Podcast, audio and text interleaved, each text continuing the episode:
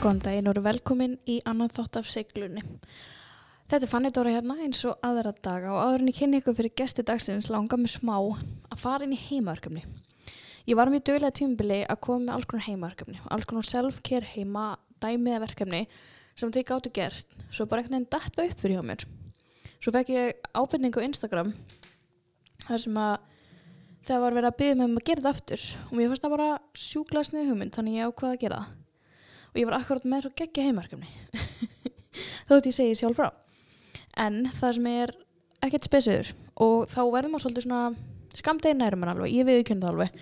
Ég get alveg bara alveg viðkjönd það, það er alveg búin á mér. Þannig mér langaði smá hvita ykkur til ít á pásu, standa upp og finna eitthvað heima fyrir eða eitthvað sem þið getur gert sem ykkur er búin að kviða fyrir eða þið eru búin að fresta því. Þá er ég ekki meina eitthvað sem er vesna að gera heldur meira bara taka til í vatskapnum, taka til í eldúsnum, þrýfi í skapin, eitthvað svona sem þeir eru búin að láta setja hakanum í einhver tíma, taka það fyrir og fara bara alveg inn í verkefnið. Bara lusta á þetta podcast í leðinni og keira inn í helgina með þetta verkefni búið. Því það er ótrúlega hvað eitt verkefni leiður öðru og allt í unna emmarhefni bara miklu lettar yfir sér. Þannig það er fyrsta heimarkefni. Finna eitthvað eða skrifa niður eitthvað lista af verkefnum sem þið frestið ofti að láta setja svolítið hakanum. Þannig að ef þið eru búin því og það er ekkert sem sittur að haka um hjá okkur þá langar mér svolítið að þið takja fyrir bara hvað getið þið gert hvernig getið þið byrjað hvert dag til að vera aðeins betur en dagarnu undan og eins og ég tala um þetta fyrir örgla tveimur þrjum þáttum þá er þessi tími oft svolítið erfur og hann verður svolítið þungur án þess að maður ætlir sér eitthvað að hafa hann þannig og þótt maður sé að reyna að gera allt Þannig að nokkuð svona tips frá mér til ykkar til að eiga sem besta morgun er að taka til dæmis búrúmið og draga frá. Þetta er eitthvað sem að ég lappa bara ofta upp og fer að gera eitthvað annað og spá ekki í þessu. Svo finn ég bara svo mikið mun á mér þegar ég loksist drullast til að gera það.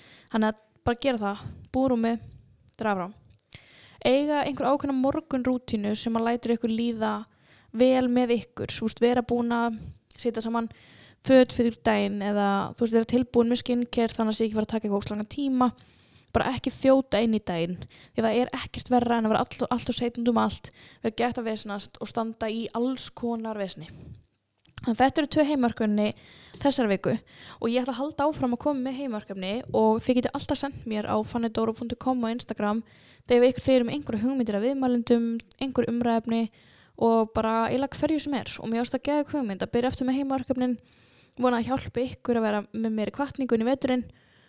Og já, ég bara get ekki beðið eftir næsta gest. Þessi næsti gestur hefur haldið fyrstudagsstrifunum í hái þannig að mér varst þetta bara alveg tilvalið að taka inn heimarkefni sem að tengdist í.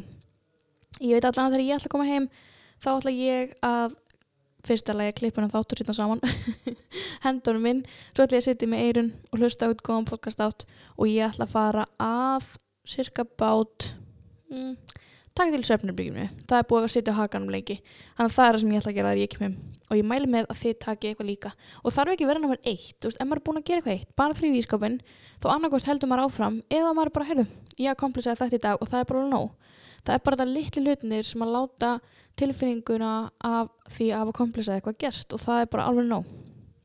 Og áðurnu fyrir um lengri en þáttinn ég var átt svo hérna andstuð til að tala einn mér leiði svona að ég sé að horfa bara út í buskan og klára alloftum mitt. En áður en að ég kynni viðmaldinin þá langar maður að byrja því að þakka fyrir fyrsta samstarfsaðila seglunar en ég var svo ótrúlega heppin að geta sagt ykkur það að ég er að byrja í samstarfi með að seglan heldur byrður að koma með samstarfsaðila og það er að sjálfsögðu hupa Huppan mín uh, er góðu styrtaralli og mér langar líka að hveti ykkur í taktu það að fara í heimarkefnum sem ég var að setja að eiga góða stundum helgina og kíkja með einhverju sem ykkur þau vendum á huppu.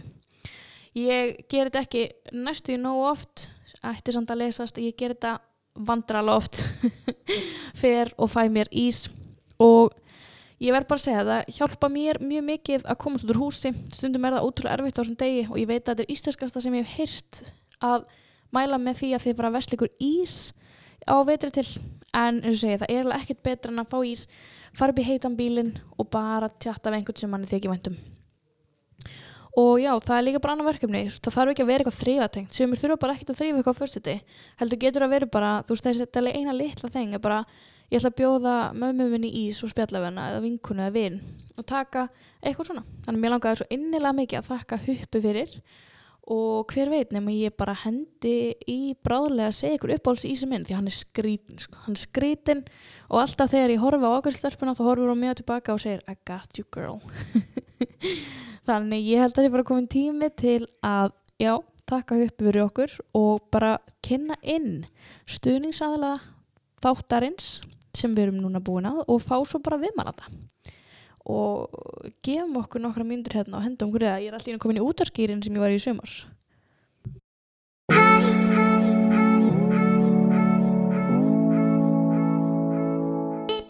Jæja, þá er viðmæli dagsins komin og það er engin annar en hún, Solrún Diego.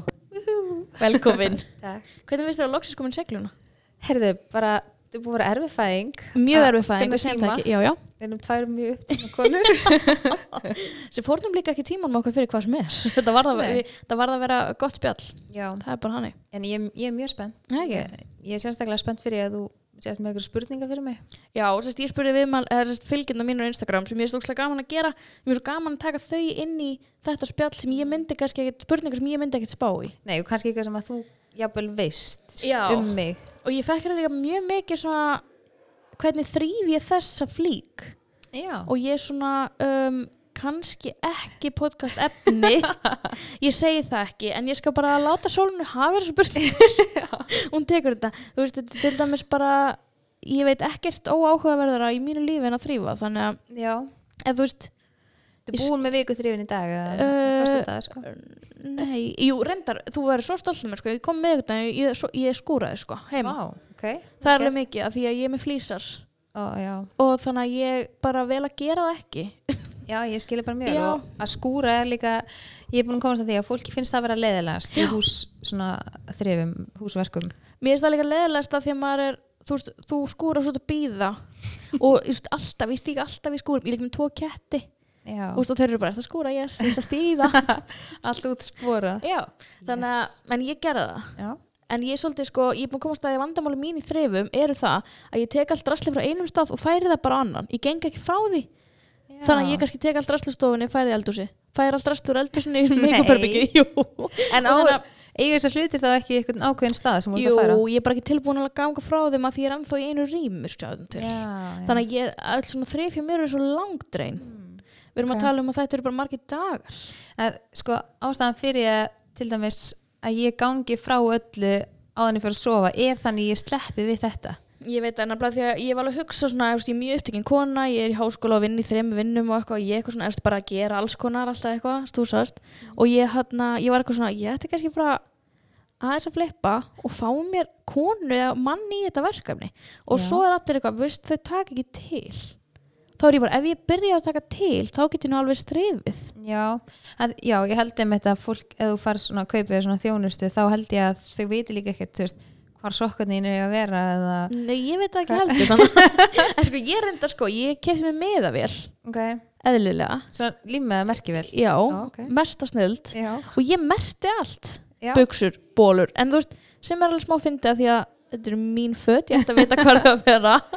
En ég merti eiginlega allt sem hægt var að merkja. Já, þetta er svona þetta verður ákveðin þráhyggja. Já, já, hvað er það líka? Ég er eitthvað svona, hvað get ég mert næst? Tuskur, borðtuskur og eitthvað, þú veist, við erum að tala um ég á fjóra tuskur eitthvað, og ég er búin að merkja hillur fyrir það. En- Já, já, Ég er náttúrulega merki sko skápunni og krökkunum að því að Frans er náttúrulega að ganga um það og mamma mín alveg stundum líka og þú veist stundum gengur Frans frá fötunum þeirra ekki eins og þú svona- vilt. Nei, er svona, núna nú, nú er þetta alltaf sínust það. Þetta er líka bara svo fallegt. Já, Þetta er mjög, líka ósla fyndið er ég flyttin í íbúðunum mína þá skrifaði ég bara blíjant fann eitt Dóra og sett á bjölluna. Kemur ekki sólrún heimtím og þú getur ekki verið með þetta svona fýblið þetta ég bara og skrifaði á merkivila þá var eftir það var ég bara að ég kannski bara fæ mér merkivil já. Ég Mjög gaf þér ekki innflutningsku nú, nafnið þitt á, á bjöllina Já, líka. póskarsson og það er ennþá þar, ég næði ekki af. Já, þannig að, bara mælu með. Já, ef þið eru báðið innflutningskjáðan meðavél og koma stertinn. Það er búin að nýta sem meir en ég held. Já, Það er Sem- sniðið, fyrir fólk sem ekki leiðist að þrýfa þá er eitthvað svo svona satisfying að hafa samt hlutunum á sínu stað sko. já, þetta er svona þetta er hvetjandi. Mm En ef við förum í pásu þrifunum þá ert þú, þú ert samfélagsmynda stjarna Úff, já. Ég elska þetta orð, uppáhaldsorðið mitt. Að því að sko áhrifavaldur er líka uppáhaldsorðið mitt. Ég veit að margir hatið orð. Já, margir aðrir áhrifaldar hatið orð. Já. ég elska. Akkur sko, ég elska hat, ég elska elska það sem aðrir hata, fyrir utan það sko. Mm. og ég hata elska það sem allir hinn elska. Mm. en ég veit það ekki, mér finnst bara eitthvað svona að því influencer, mér finnst influencer ennskórið yfir áhrifald alveg, mér finnst það mér finnst það passa, þú veist, þú ert Já. að hafa eitthvað svona influence og þú, mér finnst það passa áhrifaldur, mér finnst það ekki alveg nokkuð þýðing kannski, en ég elska bara þegar fólk segir við séum ekki áhrifaldar og, og svona eitthvað, þú ert ekki áhrifaldur við erum spembodóttir og ég er eitthvað svona, já, já, en ég má alveg líka vera það þú veist, Vissilega hefur maður áhrif á fólk sem Mhm. er að fylgjast með en, og þú veist influencer er þú veist svona einhvern veginn kannski bara að því að íslenskt, nýtt íslenskt orð þú veist, áhrifavaldur var ekkert nota mikið mm þú veist, fyrir fimm árum síðan. En svo allt í henni er það tekið eitthvað upp núna og nota ótrúlega mikið, að það sé líka Íslendingar er bara svo ótrúlega lengja að aðlast, veist það er ekkert langt síðan að snappar ef að bara Mhm. fáránlegt orð. Einmitt. núna er bara Snapchat búið að vera svo lengi til að fólk bara svona, já, já, hún var, er hann á Snapchat Mhm. það er snapparist, auðvitað er þetta ekki eitthvað fallegt orð en veist, það, þetta venst. Já, og mér finnst fólk svolítið að lengi að venjast já, fólk er lengi að venjast og veist, áhrifavaldur er líka oft ég held að ástæðan fyrir að fólk sem er á samfélagsmiðlum og tilir þessum áhrifavalda hópi Mhm. þú veist, það þólir ekki orð af því það er alltaf notað í neikværi merkingu Já. það tekið fyrir fjölmjölum, það tekið fyrir á einhvern stöðum og ekki í ykkur uppbyggilegu uh, uppbyggilegu samræðum eða þú veist vera að tala um eitthvað það er yfirleitt verið að tala um eitthvað neikvætt Mhm. og þá auðvitað vill maður ekkert vera að kalla þér áhrifavaldur þegar vera alltaf vera að tala um eitthvað neikvætt? Mhm. þannig að ég held að það sé líka spilaleg stóra þátt. Já, mér fannst líka, veist, mér var snappari aldrei passa eitthvað yfir mig að því ég var þarna þegar þú veist, allir voru mest á Snapchat þá var ég samt líka á YouTube og með blogg og á Instagram og Twitter og þú veist, var á svo mörgum stöðum, mér finnst það svo limita mig. Já, mér finnst fínt að áhrifavaldur líka því að þegar fólk segir eitthvað svona, akkur finnst þetta flott orð? og svona í mínu tilviki þá svona gleymi ég aldrei þegar ég var að vinna í búð í kringlunni og það kemur hérna kemur kona til mín, fullur kona og hún eitthvað svona ég var að vinna í mánuð í búð í kringlunni mér finnst það alveg drep sko. Ekki að vinna í búð, mér finnst bara að drepa að vinna í þessu umhverfi. Það var líka alveg skrítið. Og líka mjög mikil háa sem henda mér mjög illa. Og ég hérna fer sérst bara afgreða og hún kemur bara hæ, ég hérna dóttur mín að fylgjast mér á samfélagsmiðlum. Og mér langaði bara að segja þér að ég held hún væri ekki á lífi eða væri ekki fyrir þig í dag. Og þá var ég bara á, Æi. takk og, og, Já. og hún var bara, þú veist að heyra þig tala um kvíðan þinn og það er bara búið hjálpun og hún er búin að fá sér alls konar hjálp út frá þér Já, og þegar fólk er eitthvað svona sko, þú ert ekki áhrifavaldur af því að þú ert að auglýsa ís ég alveg, nei, ég veit það Mhm. en ég vil kalla mig áhrifavald því ég hef áhrif á annan hátt Já, og líka bara þú veist að því fólk er eitthvað svona, þú getur ekki verið því þessir það mér finnst bara að það mega bara allir vera Já, bara að þú vilt vera áhrifaldur mínu, þá máttu vera það sko Mhm. þá máttu kalla það ég skil, ég skil bara ekki eitthvað svona þú veist ég, bara, ég veit, kýsur ég líka bara ekki að taka þátt í þegar fólk fer á þetta plan. Mhm. og þegar fólk fer á þetta plan og er bara eitthvað, þetta er ekki svona, þetta er svona þá ertu bara ekki að fara þú veist aldrei að fara að vinna annars slag. Það er bara betra að bara segja ekki neitt og leifa þessum aðeila með sína sterkur skoðanir bara svolítið að jafna sig. Mhm, einmitt. þetta er sem svo krakki í frekjukasti. Þetta er bara svona býttu bara aðeins, þú veist, þú átt eftir að róa þig skilur og svona, þegar fólk sér bara ekki lengra nefi á sjálfum sér þú veist, það er bara einhvern svona slagur sem að maður bara líka nennir svolítið ekki að taka sko. Nei, ég veit. Mér finnst líka bara eins og mér finnst fólk ekki skilja þetta fyrir en fyrir umgangast mann. Veistu, Já. svo, ég kynntist nýjum svona vinahóp í skólum og þær eitthvað svona voru ekki alveg að tengja. Svo voru þær bara eftir að vera með mér svona mánu þá voru þær bara djöfull, er þetta ekki vinna maður? Já. Það eru bara hættu í mér og bara þegar við fórum út og, og fólk að koma og spjalla og þær voru bara vákvæða, ok, þú veist, ég ætla aldrei aftur að dæma neitt sem að vinna úr samfélagsmyndu saman hvað hann gerir, sko. Að þetta er miklu meira heldur en bara posta mynd. Þú veist, þetta er ekkert, þú veist, að það væri, að það, það er ekki, þetta er svo miklu meira. algjörlega, þetta er líka bara svona þú veist, það er líka bara ákveðin vinna að setja sig í þessa stöðu og, og að opna sig og s- segja ykkur hluti og líka bara eins og fyrir mig þú veist, ég var, ég held ég hef aldrei sagt það ofinbarlega en ég átti alltaf ótrúlega erfitt með að borða fyrir framann fólk veist. Tengi. ég átti bara, ég gæti ekki verið í mat í svona mötunni til skólanum og ég bara, þú veist, var alveg típan svona bíómynda típan sem að fó bara með matið minn hennar klósett og borða hann einn þar ég var aldrei lögð í einelti og mér var aldrei stríti en eitt svoleiðis en ég var bara ótrúlega óörug og bara leið ekki vel og bara borða fyrir framlega var bara mjög mikið vandamál og þegar við vinkonum vorum svona sjönda áttunbæk vorum alltaf hangi í kringlunni bara típiskur svona aldur hangi í kringlunni og þá var McDonalds í kringlunni og þær fengur sér alltaf allar að borða á McDonalds og fóru síðan með mér í bílakjallaran og Oh my ég borðaði ég borðaði minn mat þar. En ég þekkti samt engan sem var í kringlunni skilu, það er ekki eins og ég hefur að fá okkur að aðtikli að fólk er eitthvað að horfa á mig Mhm. frekar en einhvern annan. En ég var bara svo sjúkla órug og svo verið komin á að ég er í stöðinu núna þar eins og mér leið þegar ég var þarna í Já. sjöndabæk mér leið eins og allir var að horfa á mig allir var að dæma mig þannig ég er bara svolítið ólust upp í þessu umhverfi og svo er ég að setja sjálfa mig í þessa stöðu er bara eitthvað núna bara svona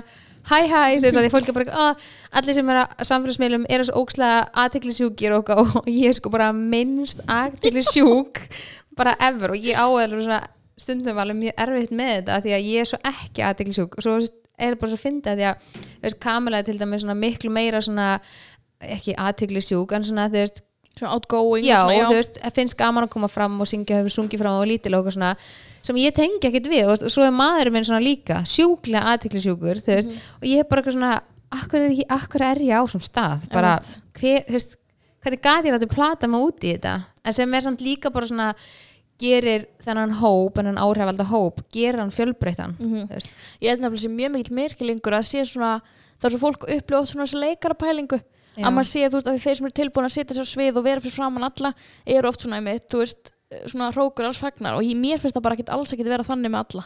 Nei, alls ekki. Og bara margir sem að halda sér mikið fyrir sig og, og Já, svo sko. og er bara eins og það er bara svo ótrúlega mismandi ég til dæmis sína ótrúlega mikið frá heimilinu mínu og börnunum mínum og þú veist bara mér og eitthvað. En svo eins og Kamala er mjög prævat með heimil sitt til dæmis en hún sýnir miklu meira annað sem að ég sýnir til dæmis ekki. Þú veist, fólk er bara svo ótrúlega mismunandi og sé bara eins og Guðrunuvegu, þú veist, hún vil bara helst vera ein heima á sér að naglaka sig og er bara eitthvað tala við síma sinn og er ógæslega fyndin og skemmtileg.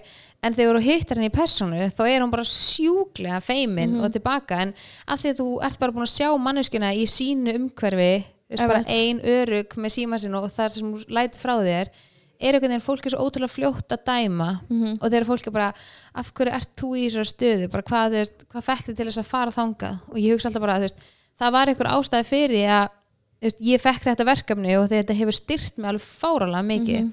Og ég hef verið tekin svakalega fyrir í fjölmjölum alveg í eitt og hálft ár sem er enda að fara að linna núna bara guðsilof en þú veist, það var einhver ástæði fyrir. Ég þurfti kannski bara meira á því að halda heldur en einhver annar að bara styrkja mig og vera bara ógislega ána með það sem ég er það sem ég er að gera. Því ég þurfti alveg að hugsa mig um bara er ég að gera eitthvað vittlust, þú veist, hvað, þú veist, hvað þarf ég að breyta hjá mér, akkur er ég takað svona nærri mér? Akkur er, þú veist, akkur er ég, þú veist, það var svo ógstara fljótur að vera bara eitthvað svona lítill í sér og brjóta sér niður fyrir veist, og taka þátt í þessu net einelti sem átti sér stað.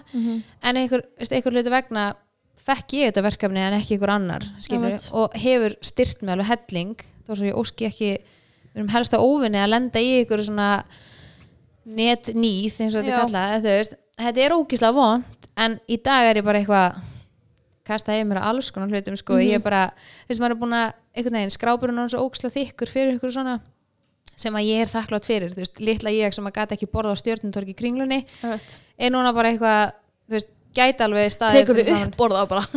Já, veist, ég, ég gæti bara eins og tilhugsunin að standa bara fram að fylgta fólki og tala bara hefði aldrei getað, en í dag er ég bara svona jú, ég geti alveg, já mitt. Þú veist bara því að maður er bara orðin miklu sjálfsörgar og eitthvað sem ég þurfti ótrúlega mikið á að halda. Mhm.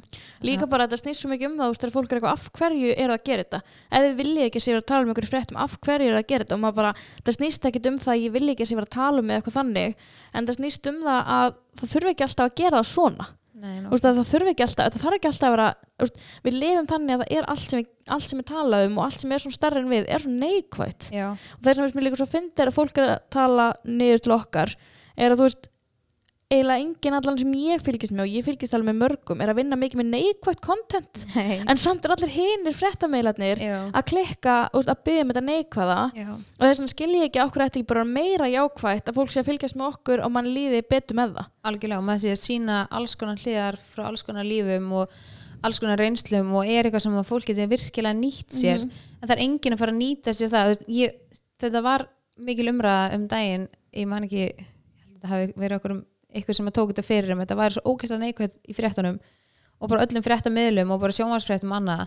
Og þegar maður fer að skoða það með það, veist, með það í huga hvað allt sé neikvætt, þá er maður bara af hverju ætti maður að vilja fara inn á þessa miðla og skoða bara þetta neikvæða, skilur, hvað er eitthvað hvernig væri það, væri bara eitthvað uppbyggilegt og jákvætt, þú veist, og ef það kemur ein fréttin á milli, þá næri það engu flugi og það fer bara neðst Mhm. skilur, þú veist, eða kemur eitthvað svona veist, og það er alltaf alltaf eitthvað neikvætt eða alltaf eitthvað maður finnur til með ykkurum eða þú veist, maður er bara svona ég ætla hann að persónulega skoða þetta ekki. Ég- Nei. bara út, að, út frá þessu sko. Ég menn pappi sagði við mig fyrir svona fimm ári síðan hann sagði bara hættu ára fréttir. Og ég bara, okkur, bara, ég bara þetta veldur þér svo mikil vanlíðan. Bara hættu því, þú eru ekkert við að gera. Mm -hmm. og, og þar leiðandi er allt sem ég veit er það sem að gerist á Twitter eða Instagram. Að ég bara, ég fann það bara hvað mikið lettir að Já. vera bara fríð frá þessu. En mann finnst svona, eins og maður svona skuld einhverjum að vita hvað er að gerast. Og ég veit alveg ef ég vill vita og finni það og ég sé það á Facebook og eitthvað. En ég bara, bara, ég skil ekki ég græði ekkert á því að klikka inn á einhverju fréttamil og bara, hm, nei, hvert, nei, hvert, nei, hvert þú veist, mér liður bara áttasunum verra með allt, þú veist, frekar velja að fara með tíma minn inn á samfélagsmiðla og bara, þú veist hvað, þú veist, þó- er var að þrýfa, ég er bara að gera það líka eða, eða þú veist, eitthvað sem hefur góð áhrif já, á þig.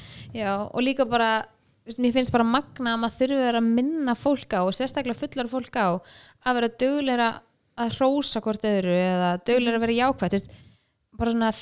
veist, ég, þú veist, maður er bara svona ha, að, veist, ég er við bara í alvörinu ennþá þarna að, þú veist, ég, þú veist, það er alveg stundum að segja fólki í kringum mig bara eitthvað svona, heyrðu ég hef bara engan áhuga að vita þetta þú, veist, þú hefur ekkert gott að vera velta upp úr þessu sjálf skilur bara þú veist, hugsaði bara um sjálfa þig og reynda að finna eitthvað sem er uppbyggilegt fyrir þig þú veist, að þessi, mér finnst ofta svona kynnslóðan sem er svolítið svona okkar svona kannski fóreldra kynnslóð er bara svona först í þessu neikvæða Mhm. einhvern veginn pínur svona slúður menningu. Ég held að það sé úkslega svona einkennandi fyrir Ísland, eh, Ísland veist, alltaf eitthvað bara ég meina bara svo lítið þjóð að þekki allir alla veist, nei. Það væri samt alveg hægt að vera jákvæð sko, Mhm. og og líka bara ef þú þekkir alla, okkur myndir það segja eitthvað neikvætt eða já, mér finnst líka bara að þetta er ekki ekki rýni til gags þetta er bara gaggrinni döðans. Og það er bara líka tekið, þú veist og viðkomandi færi ekki svona verja sig nei, sko. mér finnst það vest já, Mér þetta er bara einelti Já, bara líka þessum daginn þá hérna reyndarilega ekkert eitthvað svona neikvæðar fréttir en það segir einhver við mig bara vissir að þú ert í þremur fréttum á sama fréttamveli og ég bara, hæ? Mhm. og að því ég skoði þetta ekki og þá fæ ég sendar þrjár fréttir mismunandi efni en allt um mig og ég vissi ekki á einni. Já, nákvæmlega. Veist, þetta er líka sem ég skil ekki að því að þú veist það er alltaf að tala um bara þau þurfa líka að vinna fyrir sínum launum og allt þetta bla. Ég skil það alveg 100% þetta skilur maður þurfa allir að þína pening og allt það. Já. en það sem ég skil ekki er að mér finnst þetta léli fréttamarska mér finnst lélegt, þú veist ég setti eins og mynd á Instagram með eitthvað text undir myndin á Instagram er tekin og textin og he bara hellan.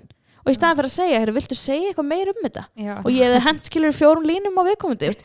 og við líka tölum öll um það við viljum eiginlega alltaf frekar taka þátt í greininni heldur en ekki sko. Já, en og líka bara svona þannig er, er viðkomandi að, að, og viðkomandi miðl að, að fá veist, tekjur inn fyrir þitt efni og Mhm. þína vinnu.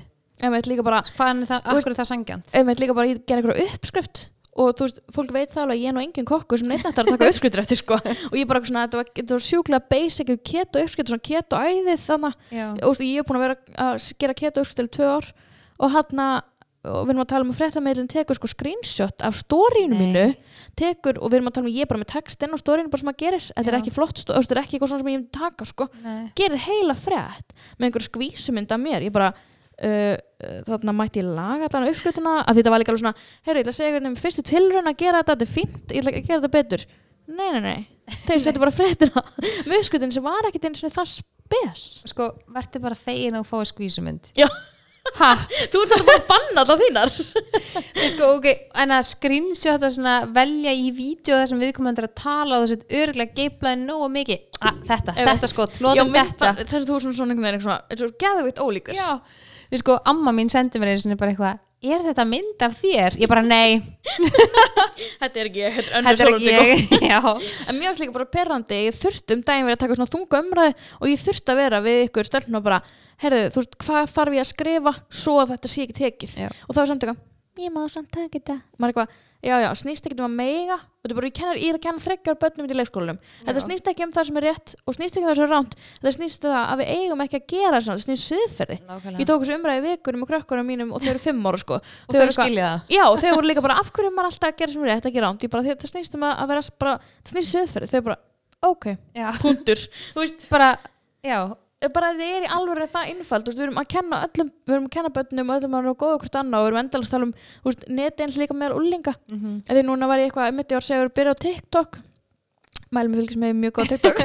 En já, og hann og þá segir ykkur með eitthvað svona, já, finnst þér ekki skrið finnst þér ekki leðalegt að vera að tala um þetta app og svo mikið einelt að inni þú veist, við erum að tala um að veist, ungi krakkar eina sem að þau sjá á miðlunum er bara þetta net nýð bara sólum degur þetta, sólum degur þetta þetta þetta, þetta, bara hérna, þú veist þetta er á svo mörgu leiti svo rámt og þetta gefur þeim líka þú veist, og ég hugsa alltaf bara ok hversu mikið þyrfti ég að tala illa um fólk í kringum mig til þess að ég var komin á þann stað að finna mig knúna til þess að niðurlægi eitthvað, að segja eitthvað ljótt ofinbarlega á netinu undir ykkur frétt sem að ég hafði, hafði síðan bara öllum líkindum engan áhugin að lesa því að þú veist bara með þessu komment sem er oft undir þessum fréttum og á alls konar miðlum er að fólk sem hefur engan áhuga á, á fréttinni Þetta hver er nú þetta? Já. Ef þú veist ekki hver þetta er, akkur að lesa Já, fréttina nákvæmlega og veist bara eitthvað svona á, á hvaða stað þyrfti ég að vera til þess að kommenta undir nafninu mínu ykkur og þegar fólki er búið að fá svona verified í kommentakjörðinu Æ, hættu, er Já, það hægt? fyrir að vera svona virkur í aðtöðasendum jú, þú fær svona vellaun fyrir það ég er ekki Nei. jú, og þú veist, ég er endar ég bara respekt á miðlana sem að eru búin að, sem taka út kommentakjörfin Mhm. og það er alveg nokkru miðla sem er ekki með kommentakjörfi og mér veist það það bara allt í lægi þú Mhm. veist, ég bara svona, þá getur lesið fréttina en fólk sækir í það að lesa kommentakjörfi Mhm. Öllum er drullu saman fréttina það er fólk býður eftir bara poppar til þess að lesa kommentarkerfi sem er svo ógeðslega sorgleg þróun. En veist, svo líka bara svona ok ef, ef að og, úlingar er að alast upp við þetta alast upp við það að við séum að adressa þetta og þú veist, tala um þetta veist, og við séum að segja hvað þetta sé neikvægt og þau skilja hvað, sem, hvað þetta sé neikvægt ég hef með þess að fengið skilabúr frá stelpu sem að skamma sín fyrir pappa sinn sem að kommenta undir grein hjá mér og var að byggja mig afsökunar því hún skammaði sín svo mikið hvað pappina saði ljótt undir ykkur grein sem var skrifað um mig. Og ég bara svona pældi hvernig þessi batni líði skilju, hún hefur örgulega hugsað að ég myndi fara inn á Facebooki því að viðkomandi því að náttúrulega þú kemur undir Facebookinu mm -hmm. og ég myndi bara skoða og bara sæja þú veist að hann ætti börn og konu og sem að maður gera alveg stundum þegar maður bara er stundum bara hvernig típa af fólki er þetta? Þegar maður bara skilur þetta ekki. Ég, meni, ég er bara að spáði fyrir fótboll.net og lesa alla fréttum þar eða, og skrifa undir, er þetta menna þetta kemur mér ekki við. Mér, vil ekki horfa þetta, mér er drullu saman um þetta. Já, en þessi, ég vorkendi svo þessar stelpu sko, ég var bara ég fann svo til með henni og hérna, mér finnst það ekki skrítið að þessi börn séu, sjáu líka bara vonandi, þú veist, hvað þetta sé ránt og skammist sín, skiluru, og myndi ekki, ger, myndi ekki fara þangað, bara eins og rétt eins og við, þú veist, okkur kynslu og er held ég minnst í þessu og mér finnst Og það rosa mikið svona 35 plus sem, ég, sem er svo finn bara, þú veist, veit ekki hvernig neti virkar það, eða þú veist, Nákvæmlega. ég skil ekki nú er mamma mín og pappi kringum 50 ég bara, þau myndu aldrei kommenta Nei. svona til frétt, sko Nei, og líka bara, já, og líka bara eins og með TikTok og þessa miðla, því náttúrulega það er ekki mikið um það að fólk sé eitthvað hrauna í Instagram kommentum, það Nei. eitthvað neginn tíðkast ekki, en það er svona meira þegar þú fyrir live og fólk lætur eitthvað flakka sko, en mér finnst með TikTok að þú veist krakkar, þetta er svona heftandi fyrir marga að þau þóri ekki að koma og vera þau sjálf, þóri ekki að setja fram efni sem þeim langar kannski að setja inn sem að hugmyndin og fá ekki vera skapandi á þessu miðli, af því að þessi miðl snýst um það að búa til vídeo og vera fyndin og setja lag undir og eitthvað að, að þú, þú, að þessi krakkar þóriði ekki af því að það er svo mikið einhelti að nynni Mhm. þess bara það er svo ógeðslega sorglegt. Að þegar margir sem kannski myndu finna sig þarna skilur, finna sig bara, ó þetta er eitthvað sem mér langar að gera. Ó, þú veist, ég var kannski til að þú veist, fara í leiklist eða skrá mig eitthvað meira, þú veist, eitthvað tengt þessu, þú finnur þig finnur áhugaðin þarna og bara svona að krakkar einmitt, þú veist, að þurfi að byggja fóreldri um að fylgjast með þessu þetta er ekki eins og ekkert alltaf bara einhver lítil börn sko, þú veist, þetta er alveg ágætlega fullar af fólk sko sem að og ég hef um þetta alveg að skoða þetta og ég er bara, hvernig hvað fær fólk til þess að segja svona Mhm. ég líka bara skil ekki og bara mun aldrei skilja og hef aldrei skilið svona þetta, eh, hva, hvort það sé bara svona hatur sem ligg inn í fólki sem að bara verður að segja ljótt, af því að ég maður í fyrst skipti og eina skipti sem ég fengi bara svona ógeðslega skilabóð þá var ég bara geðveikt og búin að vera í smá tíma og þá var ég bara svona ok, ég er með komið það þykkaskrápa ég var samt bara svona, þetta er náttúrulega stingur samt Já. alltaf og ég var bara svona, heyrðu, ég ætla taka manneskjum út úr þessu sem að fannst nú þessu segja eitthvað vond og bara hugsa um mig. Mhm. bara af hverju fannst mér þetta vera vond hvað, þú veist, þetta á ekki neina stóði raunveruleikanum. Hvað af hverju fannst og taka mig út úr þessu og þetta er bara eitthvað sem krakkar 15 ára get ekki gert. Nei. þú bara þegar þú ert 15 ára þá er svona bara heimsendir sko, þetta er Já, ömulegt auðvitað og líka því að þið ert á þessum, þessum aldri og líka ekkert bara þessum aldri þú veist, þegar maður er bara ekki vanur ykkur svona aðstæðum Mhm. að þá finnst maður eins og maður sé nafli alheimsins og þú lappar út heima frá þér og því að finnst bara allir vera að hugsa eða segja það sem að þessi viðkomandi hitti á einhvern viðkomandi punkt og saði eitthvað ljótt um þig Mhm. auðvitað á maður ekkert að vennjast í auðvitað á skrápurinn ekkert að vera þykku fyrir því að að gaggrinu mann mm Mhm. auðvitað er það, veist, það, er ekkert, það er ekkert eðlilegt við það en því miður erum við þar og mér finnst líka bara þú veist að, sérstaklega þeir sem er að lenda í því eins og krakkar á þessu TikTok og er að fá neikvætt um, um sig eða ykkur staðar vera að fá neikvætt gaggrinni að hugsa bara að þetta segir svo miklu meira um einstaklingin sem að fær, finn sér knúin til þess að segja eitthvað svona ljótt. Þetta segir miklu meira um mig ef ég myndi hrauna yfir eitthvað heldur en viðkomandi sem að fær ekki svona verja sig sko. þess vegna líka er svo bestur að gera það undir sko gerfinafni já, þá er það bara, þú getur ekki eins og tekið responsibility á Nei. því að vera ömuleg manneski sko. nákvæmlega. Og líka bara eitthvað svona veist, ég bara, ég bara velti svo innilega mikið fyrir mér. Ég, veist, ég ringdi eins og mömmu og sagði mamma, I made it, og hún bara, hvað meinar að vera þessi fjöra ári, nei, þá er kommentandi frétt. Hver er nú þetta?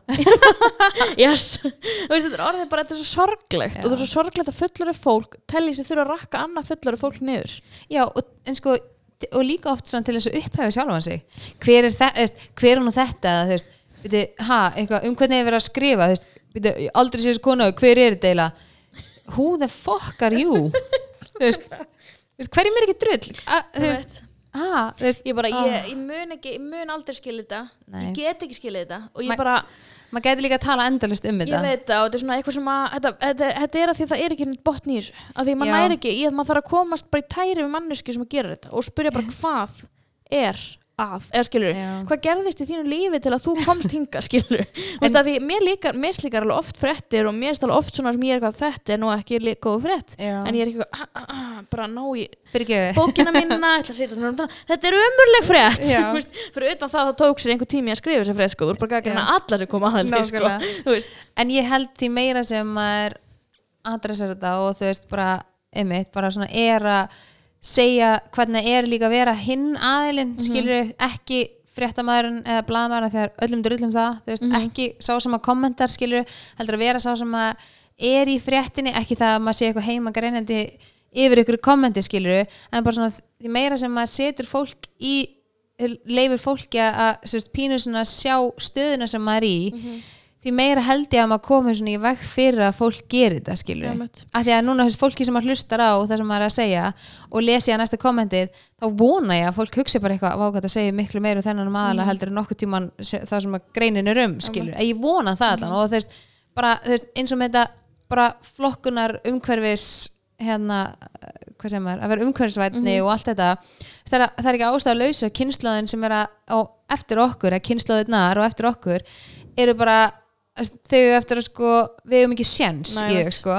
Það er bara því að þetta er eitthvað svona sem er bara veist, verða meira í umræðinu, er meiri þekking og allt þetta, veist, það, það kemur ekki nema það sé meiri fræðsla og sé meira í gangi, veist, þannig að fólki verði meira upplýst og fá meira áhuga á því að kynna sér efnu og aðstæður. Og það er það sem að mér finnst jákvætt með, með þessa miðla, þú veist, bara alla miðla sem er í gangi núna og eins og fyrir mig miðlinn sem ég er með, þú veist, mér finnst það að fólk er bara áhrifaldur, þú ert að deila þessu og þú gerir þetta, en mér finnst ég bara svona að vera að miðla áfram minni reynslu þú veist, ég get auðvelda með lífið svona ég get gert þetta svona, þú veist, jú, ég stend mig vel þarna en mér mistekst stundum þarna og ég þarf stundum þú veist, aðstof frá öðrum þarna og ég er að setja fram efni til þess að aðri geti nýtt sér það. Og mér finnst ég svona, mér finnst ég líka vera svona pínu að hvað maður segja, þú veist kynna yngri kynnslóðana fyrir ykkur sem að okkar kynnslóð svolítið hatar. Mm veist, okkar kynnslóð þólir ekki að þrýfa þólir ekki þetta.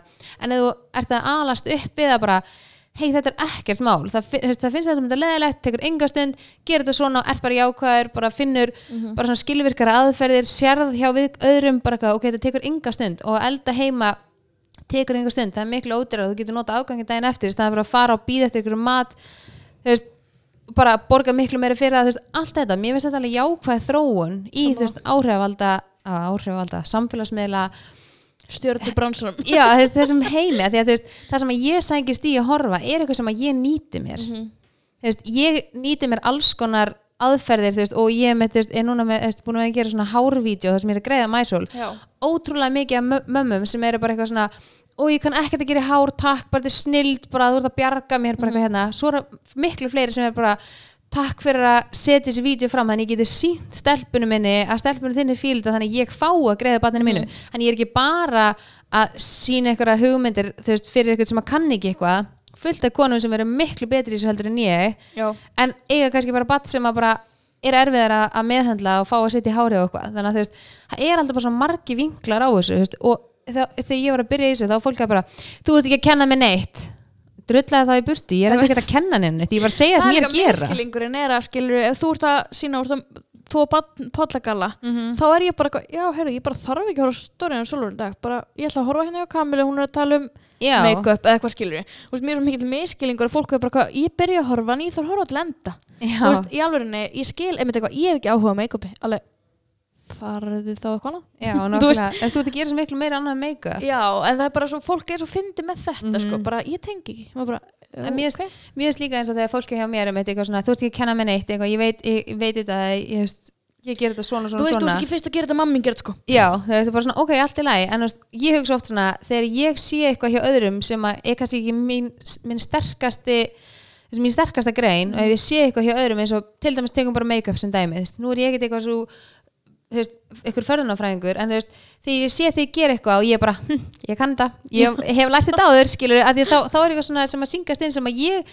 lærði það okkur um öðrum og þá er ég bara, vá, ekki, ég man þetta ennþá, ég kann þetta, skilur og þegar fólk kemur horrið á mér og er bara eitthvað svona sem er ekki að nýta þetta sem kvartningu er meira að rýna í það hvað ég sé að gera og er bara eitthvað þau kunna allir að þú veist, þrjóða spekla ok, en þú veist, nýtti það frekar bara ó, ég kann þetta, skilur og varstu bara ánað með sjálfa og nýtti þessum uppbyggingu frekar heldur en að vera bara, orta fucking grist og sína þetta enn einu sinni, skilur en þú veist, pointi er að sína eitthvað sem, þú veist, kvartningu og maður er ekkert eitthvað að kenna neinum neitt og ég er ekkert annað með eitthvað kennaraleifi að reyna að kenna ykkur um eitthvað, sko. Þú ert líka ekkert að segja er fyrsta mann til að gera þetta? Nei, þú veist, þetta er bara svona bara og er bara er og, allir sem eru á þessum miðlum er yfirleitt mjög fjölbreytt. Og þetta er bara svona pínu svona afþreng þetta er bara svona að þú ert pínu að horfa raunveruleika sjónvarp og getur fylgst með mismöndi karakterum við þannig að þú veist, einhvern veginn, fólk er svo óstur fljótt að dæma og þegar maður frekar segir við fólk bara eitthvað svona nei, eitthvað sem er bara, þú veit ekki kenna mér neitt. Bara nei, það var heldur ekki markmið markmiðið var að vera hvetjandi sína öðrum, þú veist, bara þess að gera þetta svona. Og þegar fólk fær, setur upp svolítið önnur glerugu, heldur en gaggrinandi glerugun, glerugun þá er það alveg svona, já, ég, þú veist já, eitthvað, já, ég skil hvað það meinar. Mhm. en fólk verður bara svo ótrúlega fljótt að fara í vörð og er bara eitthvað svona já, ég, ég, veist, ég get þetta líka, Nei, ég get þetta ekki svona ég get þetta miklu betur, ég get þetta svona. Og svona, það er bara frábært að þú finnir þína leið að gera þetta svona. Ég er ekki að byggja um að gera neitt annað þannig að þetta er svona En þannig getur við komið um dunna um spurninguna, var eins og spurði hvernig heldur er jákvæðar og gegnum svona svona rosalega mikið eins og fjölmjölar og tímbili voru tókuði alveg fyrir, alveg svolítið langan tíma. Og svona hvernig nærðu að halda þær jákvæðar í gegnum því? Það er eitthvað sem að mjög margir hefðu bara x á þetta, ég er hætt. Og svo hvern- hvernig finnur löngunna til að halda áfram og að sína efni sem að þú veist að þú geti mögulega gaggrið fyrir? Að því að ég elska að gera það sem ég er að gera. Mm -hmm. það er bara, ef þú hefur ástriði fyrir ykkur þá ætlum ég ekki að hætta út að ykkur annar var að stríða mig fyrir það, skilur þú veist það stríða mig fyrir það, þú veist, bara svona gaggrina, sko, líka bara ég reyni að veist, finna, ég, fyrsta lagi hunsa ég það sem að er sagt. Þú veist, ég skoða þetta en áður fyrir, þá skoðaði ég allt. Þú veist, ég googlaði nafni mitt ég gat með þess að skráðu nafni mitt þannig. Google alert. Já, að ég fekk e-mail í hvert einasta skipti sem nafnum mitt var skrifa ofinbarlega á neti er þetta er svo vond en af hverju, þú veist, hverjum datt þetta í hug að hafa þetta bara sem option? Þú veist, bara ha? En ég var alveg þar og ég átti alveg mjög erfitt með þetta en ég á ótrúlega góða mann og vinkonur þú veist sem að auðvitað bara hafa alltaf bara stuttu baki á mér 100% og þú veist láta mig vita þú veist að það sé eitthvað ekki lægi og þá er maður svona svolítið fljótur að átta sig á því bara hvað er eðlilegt og hvað er óeðlilegt. Uh, ég til dæmis, ég gerur hluti sem eru uppbyggjandi fyrir mig og þar verður maður í ákvæðari og þú veist, ég reynir bara að hugsa og svo er ég bara ógeðslega þrjósk. Já. það er líka bara málið, þú veist, ef ykkur segir mér að hætti ykkur, þá hætti ég ekkert skilur, þú veist, ef ykkur segir, banna mér að þú veist, segir mér að gera einhvern veginn öðru sér, þá ger ég bara 100% alveg í hináttina, það, það henni er bara minn karakter og slæðið leðald að segja, en þú veist, það er bara Ég held að það sé bara kostur sem þú þarfst að hafa allar að vinna samfélagsmiðlum sko. já, Ég bara, það er alveg sama, ef einhver er eitthvað svona hætt að gera make-up, ha, ha, ha, fyrir make-up lúkudag já. Þú veist, ég held að ég sé líka bara veist, ok, jú, ég var feimin og óörug en ég var aldrei aldrei hrætt við að segja mína skoðanir. Þú veist, ég var kannski ekkert hávar með mína skoðanir en ég hef alltaf verið sjúklega ákveðin. Og þú veist, hvort þú, hvort þú kallar að vera frekur eða ekki bara, og það er eitthvað sem að ég er að ala ótrúlega mikið upp í börnunum mínum til dæmis að þau séu ákveðin og standi först á sínum skoðunum. Og veist, ég finn það bara að þú veist, til dæmis bara með að láta þau velja eitthvað. Þú veist, nei, þetta, nei, menn okkur þetta, nei og svo er búin að velja eitthvað að hætta við. Og ég bara, það er bara ekki búið að hætta við. Þú ert búin að ákveða eitthvað og þá stendur við það. Og þú veist, Algjörlega. og bara svona eitthvað svona sem að ég vil að þau tilíkja sér að því að það er ekkert verið en að vera óviss eða efins um sjálfan sig og eitthvað. Og þú veist, það er ekkert ég myndi ekki segja að það hefði verið partur á óörginu mínu því ég var alltaf 100% ógeðslega ákveðin og með ógeðslega sterkar svona réttlætiskend og eitthvað, það er eitthvað sem hefur alveg komið langt og mig langar að vera jákvæð, ég það sé líka svolítið málið, þú veist. Ef þið langar að vera jákvæður, þá reynir bara að gera allt til þess að vera jákvæður, þú veist, þú frekar fylgist með fólki sem hefur jákvæð áhrif. Þú gerir bara alls konar hluti í lífinu sem að þú veist, að gera eitthvað með börnunum mínum og eigða tíma með þeim mig, það er ekkert meira sem gerir mig hamingisama heldur en að vera, þú veist, þar. Og þetta reyni ég að vera bara mest á þeim staði, því þú veist, ég er aldrei eins hamingisum og jákvæð og glöð þegar ég er með þeim skilur, og maður setur upp, maður myndi aldrei vilja sína þeim veist, að ég, mér líði ekki vel að því að það var eitthvað sem skrifaði greinum í einhverjum fréttamili, skilur, þú veist, maður fer bara ekki þangað og þegar maður upplifir svona hluti og er með fólkinu sinni sem maður þykir væntum og sér maður bara svolítið hvað skiptir máli og það er eitthvað sem að veitir manni hamingju og ánægju og eitthvað svona hluti sem að já, þú veist já, gera maður, þú veist, einhvern veginn ekki, þú veist, það, er svo, það þarf oft svo ógislega lítið til þess að gera mann neikvæðan en oft svo ótrúlega mikið til þess að gera mann jákvæðan og það er bara svolítið að finna millivegin en auðvitað er ég mann ekkert alla dagúslega jákvæður. Ég passa mig líka alveg að efni sem ég sitt frá mér er jákvætt. Mhm. ég myndi aldrei koma í stóri og bara uh, þú veist, vera neikvæður skilu af því að ég vil ekki að mín mannlega eða mín neikvæði bytni á einhverjum öðrum sem er að fylgjast með og ég draði einhvern annan með mig niður. Frekar býði þá til að stormurinn er gengin yfir og geti að setja fram á jákvæðan hátt og kannski hjálpa einhverjum öðrum sem hafa verið á sveipum stað til þess að rífa sig upp með mér skilur Já, við tókum þessu umræðum um daginn, þú veist, þegar að versta er að lenda á manni, þá er maður ekki með síman uppi. Nei, Það er fólk er eitthvað, okkur sýnið aldrei, þú veist, þetta er bara svo mikið glansmynd og allt það. En þegar maður er ekki í þessari quote glansmynd, þá er maður bara ekki með síman uppi. nei, Og þú veist, einmitt þessna, þú veist, þegar ég tek svona umræður, þá er það til að segja, ég lærði þetta þessu. Þið geti lært þetta af því að gera þetta svona, skilju. að því maður græðir ekkit á því að vera bara með öllu opnu uppi og brjálu skap og vera hann inn á, þú veist. ég skil ekki ekki okkur það ætti að hjálpa manni eða einhverjum öðrum að setja eitthvað gott fram út í heiminn sko, að nógu mikið vond að núti það er bara svolítið sem eins og fréttamilar grípa eitthvað strax á lofti setja eitthvað fram og það verður yfirleitt neikvætt mm skilur í staðan fyrir mitt að býða bara svolítið og afla sem eru upplýsinga og vinna efnið vel og geta sett allt öðru sér fram með nákvæmlega sömu upplýsingum. En þannig að kannski geti nýst einhverjum á annan hátt heldur en að gefa þér fimm minútna clickbait ánægi skilur að einhverju slúri en núna varstu náttúrulega mikil gaggrinni oft í kringum mömmubloggið mami.is og hvernig, hvernig svona leiðir þegar þú varst að ræða vákvæði var alltaf í formuleg hvernig, hvernig leiðir, hvernig leiðir þegar, þú veist, þegar þið voru að inna og það var mikið svona, nú ná ég ekki bann, þannig að við kanni, ég fylgdist kannski ekki mest með ykkur þá, en ég svona Nei. vissi hverju voru þá og hvernig fannst þið svona umræðan um það í kringum að það væri bara sína glansmynd og ekki rétt að mynda af lífi fólk, fólks með börn og, og það væri svona að það fannst mér ég heyra það oft að það væri stundur svolítið neikvætt í kringum það Já. að svona væri svona láta aðra mömmuli að vera með sig og svona alls konar þetta hvernig lætið þetta manni þú veist, hvernig lætið þetta manni líða? Þetta er eitthvað sem ég heyri ekki í mínu efni af því að veist, ég heyri ekki að make-up looki mín sé að láta ykkur sem er verð en ég líða verð þannig að hvernig er þessi tilfinning að vera bara byttu, ætli, kom einhvern veginn upp í hausuna svona, ætli ég sé að gera meira neikvætt en gott fyrir aðra að núti Nei, ég hef aldrei efast um neitt sem ég er að gera sko, af því að mér fannst ég vera uppbyggjandi en það sem að spila í stóran þátt þarna var það að maður var bara einu sinni í viku með já, auðvitað. Opin, þú veist, Snapchat reikning. Og þú dæmir ekki mannesku og bara heimilislífið og að vera móðir út frá einum degi sem eru kannski tvær mínútur af 24 klukktímum mm og þú veist, auðvitað þegar þú varst þá með þann daginn þá vildur þú sína eitthvað sem þú varst kannski búin að býða með í viku að sína hvort það var, já, eitthvað föndra með barninu eða, að við ætlum að gera þetta mér erst gaman að gera þetta eða þú veist svona tekli ég hlutina, þetta var eitthvað efni sem var þá búið að býða eftir, svolítið svona eins og bloggfæsla, þú varst búin að býða með að gera hana og tekuðu tíma í að byrta hana, skilur þetta var svolítið þannig, þú varst að býða eftir þínu mómenti og sem að síðan snar minkaði þegar ég opnaði minn miðil og var bara með alla daga alltaf og þá fekk maður meira að færa á því að sína bara hvernig raunverulega lífið var. En það var mjög erfitt og það var mjög erfitt líka að vera bara nýr í þessu hlutverki þá sérst, að vera mamma og já, vera nýr í þessu hlutverki og fá gaggrinni fyrir það frá einhverjum sem að þekkti mann ekki eða var ekkert inn á heimilinu og vissi ekkert nákvæmlega hvernig aðstæður voru. Það var alveg erfitt sko.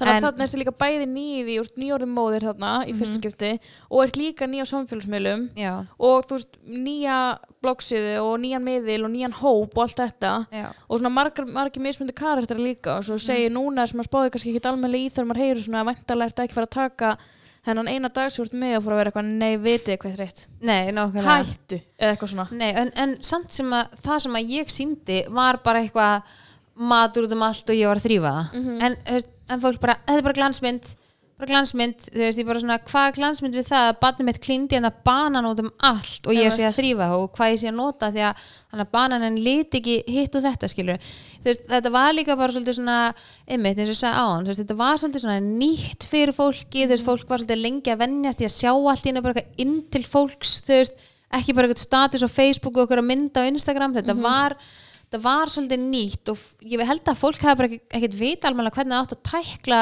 að verða svona mikill partur af ykkurum. Það er alveg skrítið að það byrja bara allt í einu þú ert bara mættur inn í stofu heima hjá okkurum skilur það er alveg skrítið. Og ég skil alveg viðbröðum frá fólki að það hefði verið bara eitthvað mm, þú veist hvað er það að pæla hérna eitthvað? En þú veist, en, þetta er bara svo hraður heimur og það er alltaf komið eitthvað nýtt og eins og þetta TikTok skilur þú veist, mér líður svolítið eins og ég sé bara hann 60 og ég er bara, ég er sko hvað tíu ára frænka mín að kenna mér TikTok. Veit ekki hvað þetta er ég skilur var að hjálpaðu mér. Já, en mér er líka sem með það, þú veist að við tölum um þetta að gera svo hratt og það sé svo nýtt, þetta er bara nýtt hér.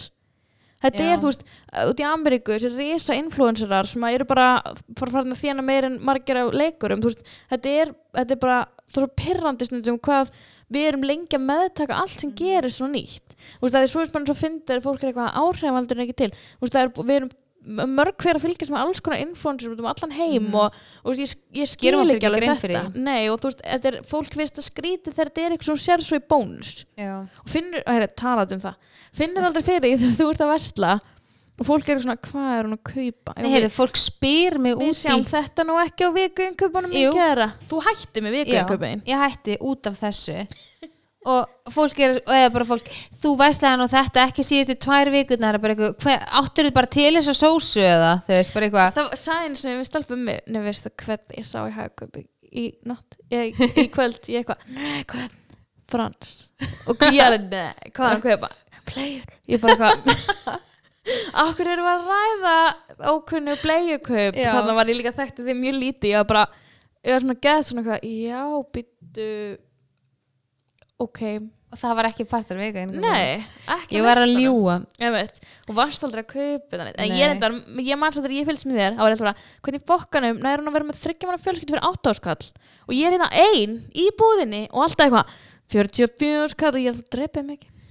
Sko, dreipið mig ekki. Já, ég þurfti alveg að taka gegn sko, að því að við náttúrulega vorum að bara, þú veist, eignum barn og okkur langa að sapna okkur fyrir í, eða eign, skilur við vorum að leigumarkaði og þú veist, bara þegar ég varð mamma og fekk svona meiri tíma í að hugsa hvað er ég að kaupa matinn og þú veist, var ekki að hoppa, æ, hoppum þarna að borða æ, förum þarna að borða með pingulítið batn og ertu miklu meira heima þegar að elda og græða að gera. Og það er svolítið að pæla í því að þetta, þetta sé til og þetta sé til og eitthvað, sem maður er bara verður svolítið svona fullorðnast bara á einni nóttu og þá tók ég mig alveg til að því að við vorum að eyða gríðarlega miklum pening í mat og matarinnkaup og ég tók það alveg fyrir bara ok, ég ætla bara að setja mig markmið og reyna að minka þetta um svona mikið. Og svo bara var það ekkert mál, svo bara ok, ég ætla að reyna að minka þetta ennþá meira, þú veist.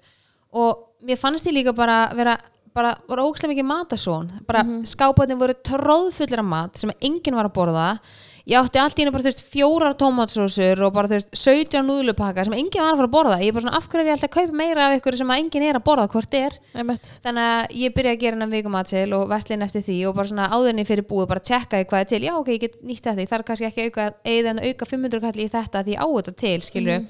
og mér veist líka bara maturum verða fjölbreytara því ég er að nýta í alls konar öðrisi en svo þegar maður bara fer að gefa of mikið af sér þá fær maður bara stundum í baki en ég ákvað bara að hætta að deila innkaupunum að því að auðvitað eru við bara eins og hverjunu fjölskylda að það bara verður kannski veikt barn heima og það fer bara kannski allt, allt í ennum meira af þessum djús að, höfst, þrjár skýrdóllu fóru á einum degi að því að barni vildi bara skýr og var með hálsbólgu og vildi ekkert annað og þú veist þá þarf maður að hoppa í búið og köpa mér mjólk eða við erum að fá fólk í mat og maður að æ, mér vantar aðeins meira hakk ég ætla að bjóða þessum í mat, og þetta var bara orðið ógstlega óþægild og ég var bara farin að þú veist, ekki vilja að fara í þú veist, ég var stundum bara æ mamma en þú að hoppa? Veist, og svo ég mjög fullarna ömmu sem að ég til dæmis fór oft og hún bjó bara, þegar við byggum í kópáinu þá bjó hún bara sem við hliðina á mér.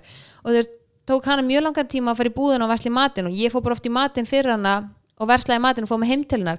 Og það fólk bara, já þú veist, að kvarti við því. Og ég saði eins og við ykkur koni búð bara, heyrðu þú veist, ég á bara mjög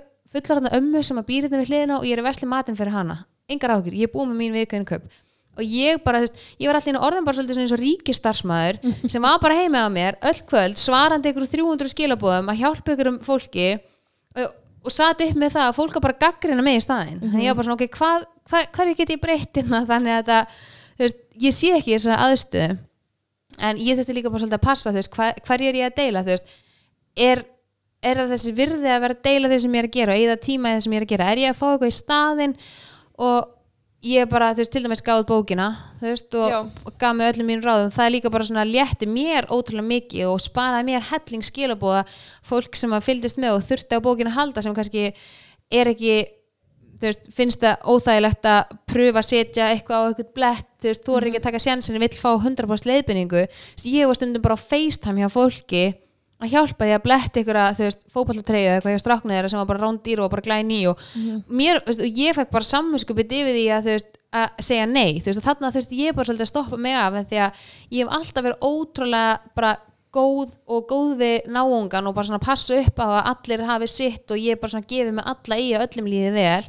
En stundum þarf maður líka bara að segja stopp þú veist, stundum er bara, þú veist, þetta er fara að hafa neikvæð áhrif á mig, þá er það bara þú veist, þá hefur þetta ekkert upp á sig og ég fekk það alveg svolítið í baki og ég þurfti alveg að þú veist, kúpla mig niður, ég alveg tvisar svona þurft þess á þessum hvað, fjórum árum, hef ég alveg þurft svona endurskoða mín mál, bara ok bara komið gott, þú veist ætla ég að halda þessu áfram, hverju ætla ég að breyta þú veist, þetta er bara ekki lægi og það er ekkert langt síðan að þú veist, setna skiptið var og það hjálpaði mér alveg helling og ég bara svona séð alltaf meira og meira bara þú veist líka bara þú veist, ég er náttúrulega komin svolítið lengra, ég er ekki í eitthvað svona, og hef aldrei verið eitthvað bara svona, ó ég er stekka fylgjendhóp minn og fylgist ekkert með því hvað sem margir followa mig og fylgist ekki með því veist, hver, hvað sem margir horfa á stórið mitt, mér er bara alveg sama. Ef fólk vil fylgjast með, þá er það bara plus en ég er samt að gera mitt og ég hætti ekki að gera mitt, veist, ég er aldrei að taka upp efni mitt fyrir einhvern annan.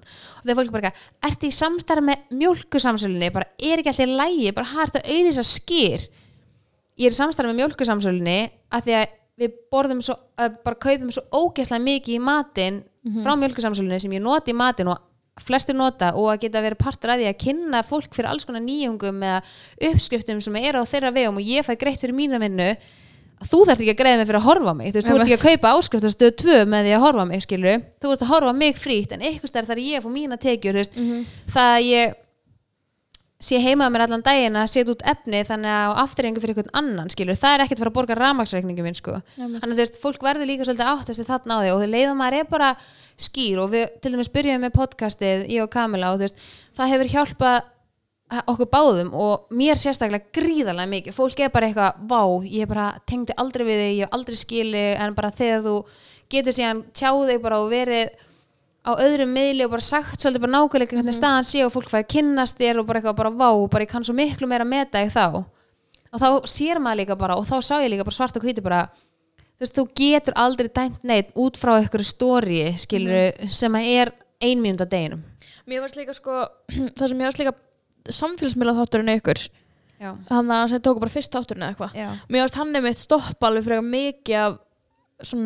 leðlum samstarfspælingum eða svona mér svona eftir það er mjög margir allan svona hugsa sér tvisar um áður en að þeir segja eitthvað svona sko af því já, að, þú veist, af því svo er þetta þetta getur verið, það er svo erfitt að koma sér fram Mhm. og þú veist, erfitt að vera að segja bara á sínu miðli bara, ég þarf að þena ég þarf einhvern veginn að borga reikningarna mína, já, skilur nákvæmlega. og þú veist, það er, mér er alltaf best að útskýra svolítið þannig að þú veist, ef ég er hérna fæ 500 krónar vöru fyrirtæki þjónu marga miljónir og ég er 0 krónur. Já, en ég fekk þess að 500 krónar vöru. Já, nákvæmlega. Og þú veist, að þetta bara rökriðt meikar engan sens og það fá allir borga fyrir vinna sína. Það er engin að byggja ég fyrir ekki ert þú til að gera þetta fritt fyrir mig?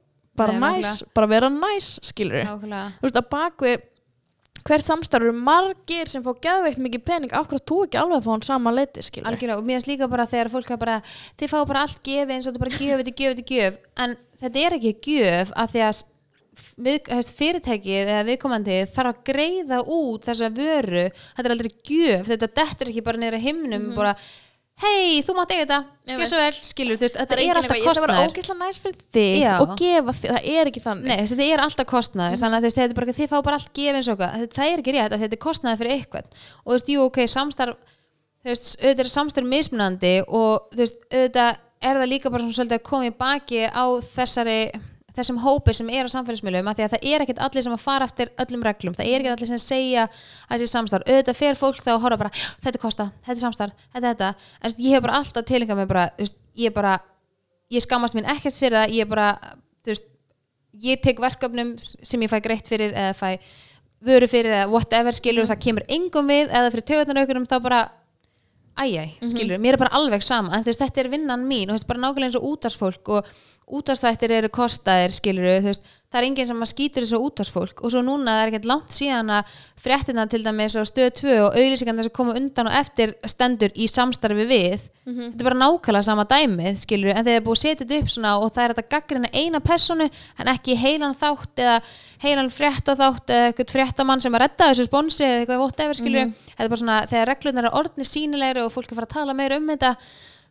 og þá einhvern veginn finnst mér líka skilningurinn verða aðeins meiri. Mm -hmm. svo, líka við- bara tímabili voru reglunar ekki skýrar og Nei. ekkert hægt að, maður vissi ekkert einhvern veginn í hvert fótum maður átt að veit og ekki- þegar fólk var eitthvað að gaggrina það þá var maður bara, ég bara grínlust ég veit ekki að það séu reglur. Veist, það er bara frekar ný til komið að það séu bara svona þetta er það sem við gerum, þetta er sem við gerum ekki þannig að mér finnst það líka og svo finnst þér að fólk er að þú veist, eh, maður er ekki viljandi að ekki disclose ykkur, í mér er frekar bara stolt að ég skæða samstarf. Og ef Já, ég er ekki stolt að ég skæða samstarf þá er ég ekki með þér í samstarfi, þá vil ég og ekki vinna með þér sko. nákvæmlega, og mér finnst líka bara þú veist, einmitt eins og veist, þeir eru, þú veist, auðvitað þeir sem að gera þessar reglur og skrifa reglurnar. Og mér finnst þetta bara svolítið sem þeir voru bara mjög lengi að rífa sig í gang og vera, veist, hafa aldrei unni ykkur sérstökur samstöru með þessum hópi fólks eins og eh, til dæmis með mörgum öðrum Norðurlöndum þú hefur þetta bara verið miklu meira samvinna og bara svona allir upplýstir um hvernig staðan sé. Og þegar þú veist einhvern veginn ekki hvernig átt að gera þetta en fólk er að gaggrina þið fyrir og bara svona ok, veistu þú eitthvað meira en ég? Því ég sendi bref hérna fyrir neytindastofa fyrir, fyrir þrem vikum og ég hef ekki ennþá fengið svar skilur Einmitt. ef þú veist eitthvað meira en ég og bara endilega segðu mér hvernig ég á að gera þetta þá frekar. Að þeir voru bara held ég líka ótrúlega lengi en þú veist, jú, jú, eru á vissuleiti búin að rífa sig í gang núna eitthvað aðeins, þetta er mjög óskýrt ennþá ég, ég bara, bara mjög óskýrt og mér finnst líka ef þeir ætla að vera með einhver svona lög um þetta þá þurfa þeir að vera öttið því þetta er að gera svo hratt og breytast og koma þú veist, þetta er endalust í þróun þetta er bransi bara mismunandi miðlar og Já. mismunandi þú þurft að hafa bara mismunandi Hópur. reglu fyrir hverja miðla og Já. líka við hvern fló, fló, fólk sko því að þetta er, þetta, þú, þú getur ekki sett reglu og verður bara að gjöra þið svo vel. Nei, og þetta, þetta er líka bara, þú getur ekki googlað þetta sko. Nei. þetta er ekki, þú finnur þetta ekkert á svart og hvítu bara þú þarft að sitja á þetta við þetta og þetta við þetta sko. Eina sem hún sér eitthvað duldar auðlýsingar og hvað átt ekki að gera basically, -hmm. þú veist, það er bara svona og jú, þú veist, eins og ég fekk bref bara núna í sumar og ég bara svona, akkur sendir mér ekki bara meili, nei, þetta var, þetta var skrifa bref, þetta var mynd í brefinu sem að stóð bæði á myndinni sem að ég postaði, stóð samstarf en það var búið að kötta það út um myndinni. Þannig ég svaraði í meili bara með myndinni, með sem stóð samstarf bara greinlega, bara heyrðu, þetta er bara ekki, ekki rétt. Mhm. ég held ég hef byggðið sex vikur eftir svari og ég fekk þennum lúna hjá mér. Þau gott ekki svara mér í meili sko. Nei, ég fekk þennum lúna hjá mér, útprentað. Ég bara heyrðu, hvernig væri að vera umhverfisvætni sendi mér þetta bara í meili senda mér þetta post, skrifið það post. Nákvæmlega. Þú veist, bara það er 2019 sko. Að þú veist, ekki vera að segja að ég sé að gera eitthvað vitlaust og geta síðan ekki gefa mig fullnægindi svör tilbaka. Að því ég sendi bara eitthvað svarist innan 14 daga tilbaka, bara nákvæmlega saman þeir sendi mér. Sendi þeim bara fullt af spurningum. Ég fekk ekki svar við neinu, bara vitnaði einhver lög sem að meika engan sens en þú veist, þannig er þetta líka svolítið svona þú veist, akkur er fólk ekki brjála út í neytendastofu fyrir að vera ekki bara samhliða tímanum sem við erum að lifa akkur núna, skilur við Þannig er þetta líka, þú veist, þegar fólk er reitt yfir samstæðdæmið og þú ert setjað okkur þú ætti frekar að setja það á þau að vera ekki að hafa nóg skýr lög um Já, og fylgja tímabili- eftir. Já, og tímabilið þegar þetta var að koma svo mikið og eitthvað svona, alls það sem er eitthvað neittnastofi fjársvelt, ríkistofnun og, og vinnur á tilbyrningum annara þú veist, ok en af hverju af hverju sérðu knúin til að tilkynna eitthvað sem er alveg örgulega potið ekki ölsing því það eru bara allir farnir að merkja vona í allavega. Já, en líka bara eitthvað svona uh, eins og, eitthvað svona, er þetta ölsing? Ef ég sagði það ekki, þá er það það ekki. Já, punktur. Þú veist, bara, það er ekki mér finnst þetta svona, þetta er svona klassist eitthvað að vera eitthvað að flækja hlutina. Já. eitthvað svona, í staðan fyrir að vera bara verðir þetta bara, þú veist, þú getur fa- þetta getur- þetta kommentarkerfið samstörf, áhrifald, akkur er þið bara ekki sama? Þú veist, ég bara það á þessu þætti verður, akkur er þið ekki sama? Þú veist, ég bara, þú veist, ég bara ég á svo erfitt með svo margt svona, bara sama þú veist, þú sagði við mig einhvern daginn eitthvað allir er bara með podcast. Og ég eitthvað, já ok, og Hey, hvað? það eiga líka allir Snapchat Já, reikning og, líka þú veist, eins og mér geggja þessi allir bara um podcast því það er mismund þætti sem ég hlustar ég er mismundi skapi. Já, Þú veist, ég er búin að vera bara þrjá núna daga að hlusta morð, morðþátt endalist, bara Já. eina sem hlusta á. Svo bara þarf ég að vera lettara skapi þá hlusta ég ykkur eða svo vill ég þetta mér finnst þetta svo fárálegt, svona það er allir á Instagram.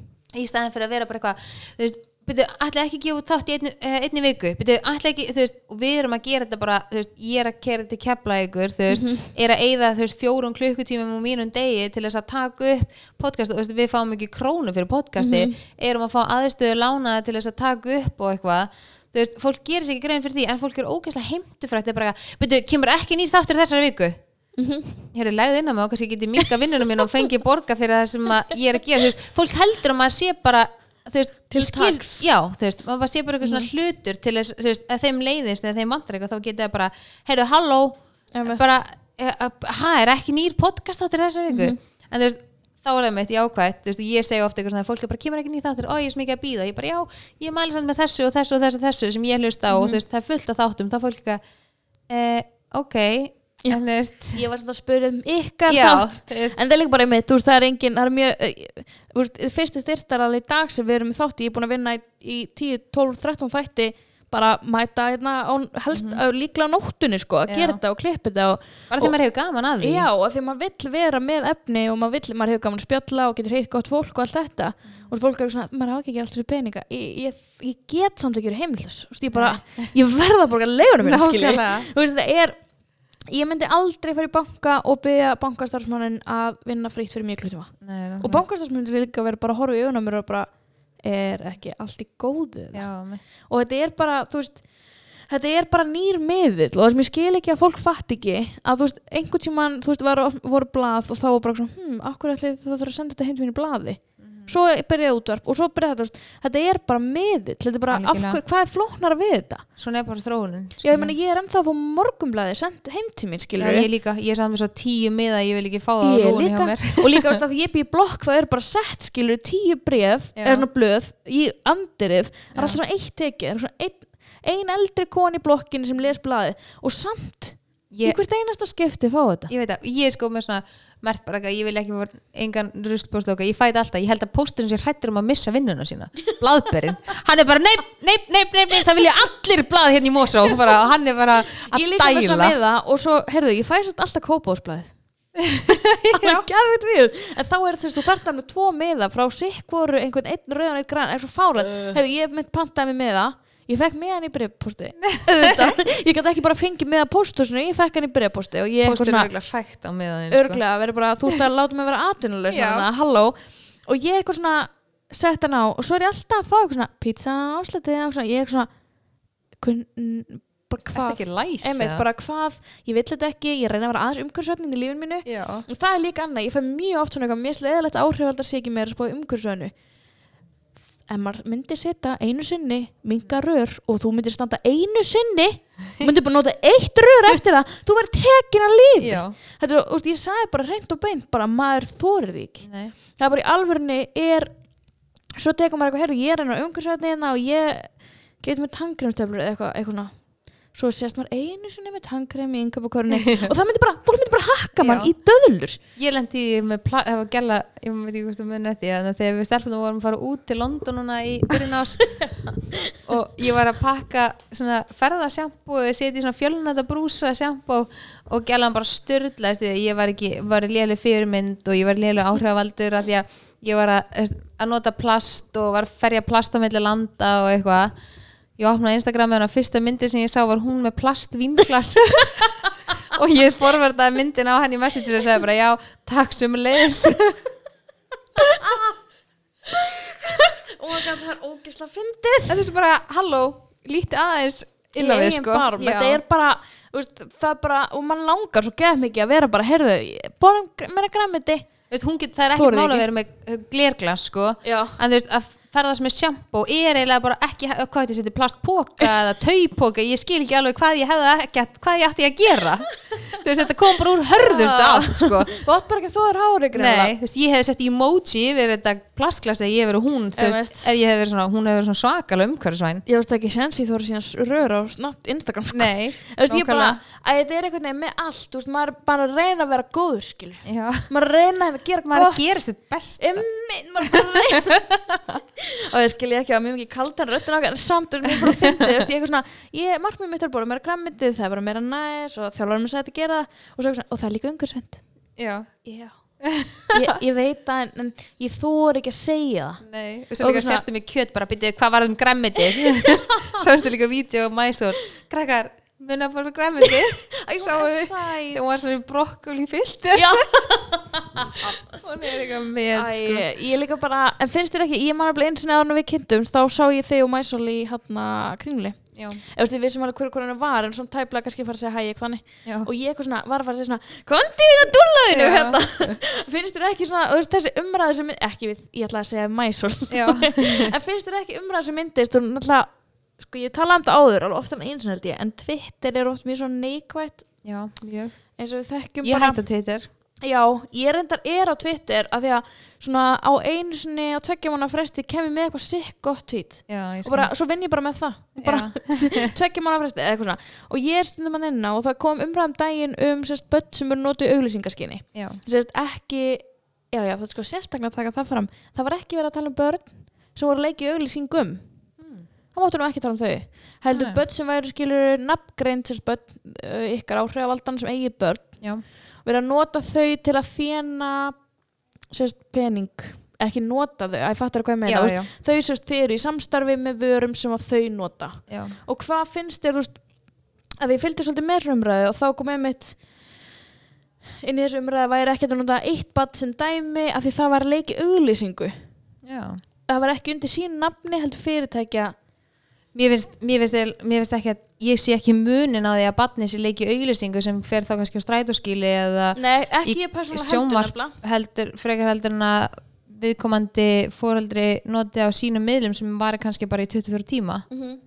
þá finnst mér, þá skil ég ekki er eitthvað meira viðkendur að leiki auglýsingu heldur en og ég skil það ekki en ég reyndar, fekk, er búin að fá tvisasunum bóðu núna bara á síðustu mánuðum um að leik, taka þátt í auglýsingu og ég var bara svona já, já, þú veist bara og bara það bara undir hana. Mhm. þú veist bara langa þig að leiki ölsingu og koma í sjónvarpinu og sjást hérna í kringlunni og kannski strætóskilum og okkur, hún bara nei, bara ha, og ég eitthvað nei, þú veist, en ég, mér finnst ég ekki þegar hún er hann svona stór, finnst mér ég get ekki tekið þessi ákvörðum fyrir hana. Ef hún hefði verið til í að það hefði ég alveg leift hana að pröfa það, mm skilur við þá hefði hann bara séð hvort hún hefði fílað ekki en einrindra ölsingan áttur reyndir ekki að vera á Íslandi þetta var þetta er svona uh, útlenskt fatamerkja brand Já.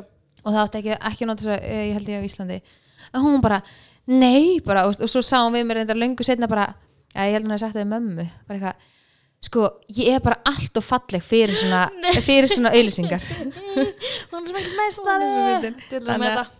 já, en, en sko, þú veist mér finnst mér finnst einhvern veginn ekkert að því að maður er að nota þú veist, ekki að nota, en þú veist ef þú ert að sína eitthvað sem er í samstarfi eitthvað sem er í gangi og barnið þetta kannski ekki endilega tekið fyrir, veist ég til dæmis er aldrei eitthvað, heyrðu, mæsur hérna í, kjól og hann er hér og hann er hér veist, ég nota bönnum mín ekki í svoleiðis auðlýsingafni en þú veist, jú, jú, þau borða alveg skýri sem ég kaupi sem ég er samstarfi með MS og drakka djús sem að ég hef þú veist verið samstarfi með okkur en ég er ekki að nota bönnum mín í auðlýsingaskyn þú veist, ég send, gef ekki grænt ljós á að fólk noti myndina mínar í, þú veist, að bönnum mín á einhverjum öðrum miðlum, mm þú veist, þannig að það, þú veist það er bara eitthvað sem hver veitin velur fyrir sig þú veist, mér finnst ekkert án því en ég kýs kannski ekki að gera.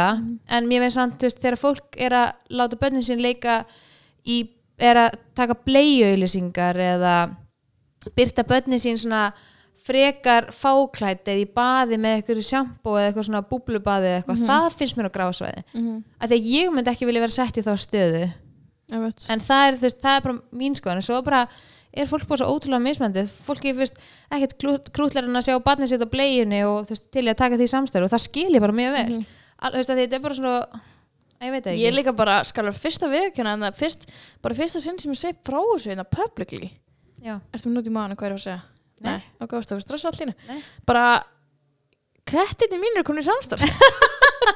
Nei, Jú, 100%. wow, bara þeir fengur sann, veist, við erum að tala um það að þeir eru búin að eðilegja gardina mínar, rúmfutin mín, búin að eðilegja þrjár plöntur Já. og búin að brjóta fimm glöðs og ég var bara út á vinnumarka með ykkur, þú veist, þetta bara þýðir ekki að það er einhver að komið borga tími leiður til. Já, Bara og þau þéna bara þessu. fór að redda sér samstarfi og þau bara, þú veist, mér finnst það bara null mál Þú veist, ég en akkurat ég Já, ekki, alveg. fólk er að spura mig um þetta ég veit Nákvæmlega. ekkert meir um kattamat en næsti maður nákvæmlega þannig en að, þú veist, að Já, en líka bara því að eins og ég hugsa að því að ég svona verið að hugsa eitthvað eins og myndi einhvern spatni einhvern daginn og ef ég var ennþá þessu þá. Þú veist, að því að þetta er það sem að við erum að sína við alltaf sína líf okkar. Ef ég hvort er að sína eitthvað af hverju get ég þá ekki betur miðla reynslunum minn áfram? Já. bara líka með að vinna með fyrirtækinu og veist það er gott fólk á bakvið og veist þú getur skilur stutt þjónustun og allt þannig. Og þú ég hugsa mér að ketti var furðulega mikið spurningum hvað er borða Já.